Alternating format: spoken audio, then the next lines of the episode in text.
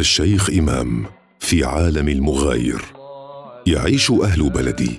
وشيش الراديو لم يكن يعيق المتعة الغامضة التي كانت تحملها أغاني الشيخ إمام من بغداد. من صوت فلسطين.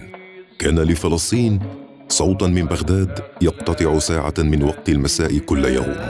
وكانت ساعة فلسطين تلك تحمل صوت الشيخ إمام لدقائق قليلة. تتخلل كلاما بطوليا. سنستكشف لاحقا كم كان غارقا في الهزيمة. كنت حينها يافعا يبحث عن عالم غير هذا العالم الشائع.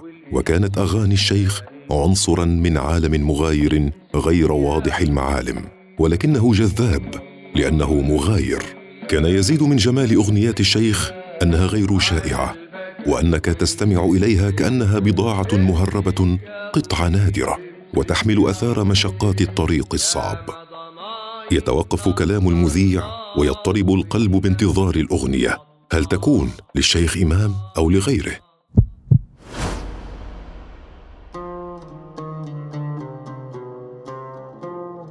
لم يكن غيره يعني لي شيئا. وإذا كانت للشيخ إمام فأي أغنية تكون؟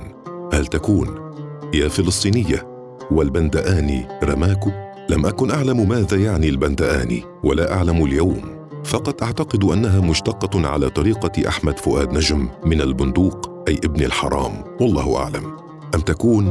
واهي عبد الودود بلهجتها الصعيدية التي تشعر معها ببداهة الرجولة والأمانة. أم تكون؟ الخط ده خطي والكلمة دي لي أم اتجمعوا العشاق في الزنزانة. أم وهبت عمري للأمل. ولجاش. أم وأم وأم. نقرات عود الشيخ إمام نحنحاته ونقاء صوته وخفة دمه في التقطيع وفي التلاعب باللحن. أشياء تنتمي إلى الأغنية بنفس درجة انتماء اللحن والكلمات. وكل هذا مجتمعا ينتمي إلى عالم الغامض القصي الجميل الذي رحت أبنيه وأختار عناصره وأزينه وأفتن به. صار لدي رغبة في معرفة كل شيء عن الشيخ إمام. ما اسمه؟ هل اسم الشيخ وكنيته إمام؟ أم أن الشيخ مجرد لقب وإمام هو اسمه. اذا ما هي كنيته؟ ثم فوجئت حين سمعت من أحدهم أنه أعمى. لم أصدق. لا أدري لماذا استثقلت الأمر في البدء. بعد سنوات قليلة حين تابعت دراستي الثانوية في مدينة اللاذقية كانت المفاجأة أنني عثرت على شريط كاسات للشيخ إمام في إحدى مكتبات السوق. اشتريت الشريط على الفور. رغم أنه لم يكن لدي مسجلة لأستمع إليه. على الشريط كانت صورة الشيخ إمام التي أراها للمرة الأولى. كان بنظارتين غامقتين ويبدو بالفعل أعمى وعلى رأسه غطاء يشبه غطاء الرأس الروسي وفي حضنه العود. وكان اسمه على الشريط أيضا الشيخ إمام عيسى. هكذا اذا اكتملت معرفتي بشخص من سيصبح أحد المكونات الثابتة في عالم المغاير المختار. أما توسع معرفتي بأغاني الشيخ إمام فلم يبدأ إلا حين أصبح عندي مسجلة تسمح لي بسماع ما أريد حين أريد.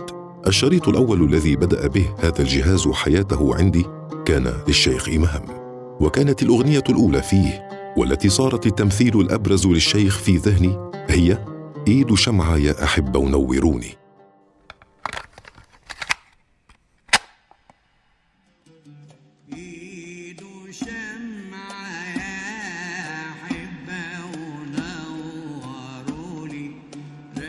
في كلماتها ولحنها وفي أدائها ونقرات العود التي تتباعد ثم تكتظ مثل الرسم بقلم رصاص. كانت هذه الأغنية رفيقة ايامي الثقيلة وأنا وحيد في غرفة المستاجره بعيد عن أهلي.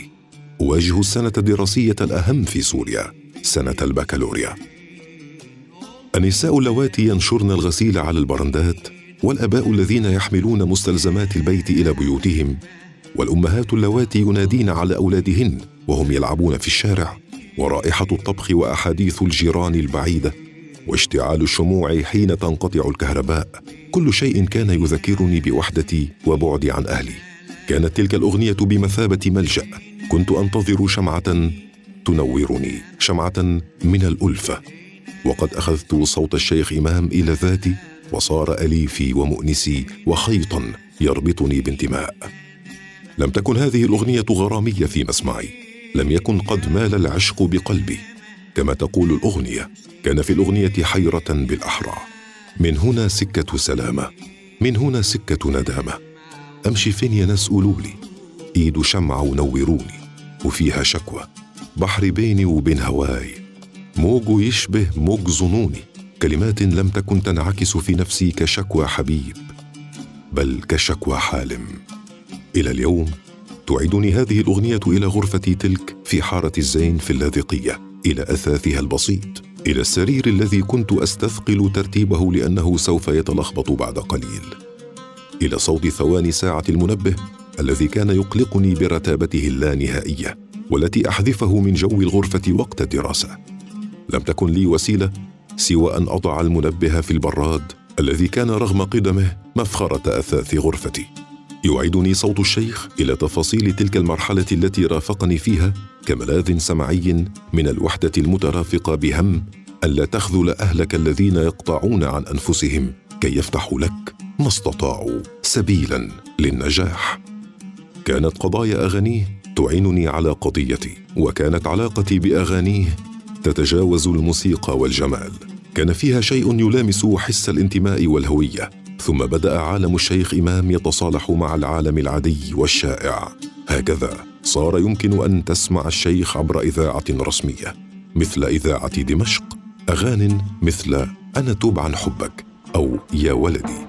أنا توب عن حبك أنا أنا لي. صار يسمعها ويرددها أناس كثر بمن فيهم من يعادي عالمه المغاير الذي جعلك تحب الشيخ إمام. أنت تدخل عالمه وتواجه فيما هو يخرج من ذاك العالم ويتكيف. مضى وقت طويل قبل أن يتحرر في نفس الشيخ إمام من قضاياه. وأصغي إليه وإلى موسيقاه وعوده. كما أصغي إلى مغن لا إلى خيط انتماء. فتغدو موسيقاه موسيقى تكتسب جمالها من ذاتها لا من ارتباطها بشيء ليس من جنسها. وكذا الكلمات والأداء. لكن مع ذلك لا يمكنك أن تحرر نفسك من الذكريات من ترابطات ختم عليها الزمن ولا تزال تملي عليك ظلالها حين تسمع نحنحة الشيخ ونقرات عوده الصافية.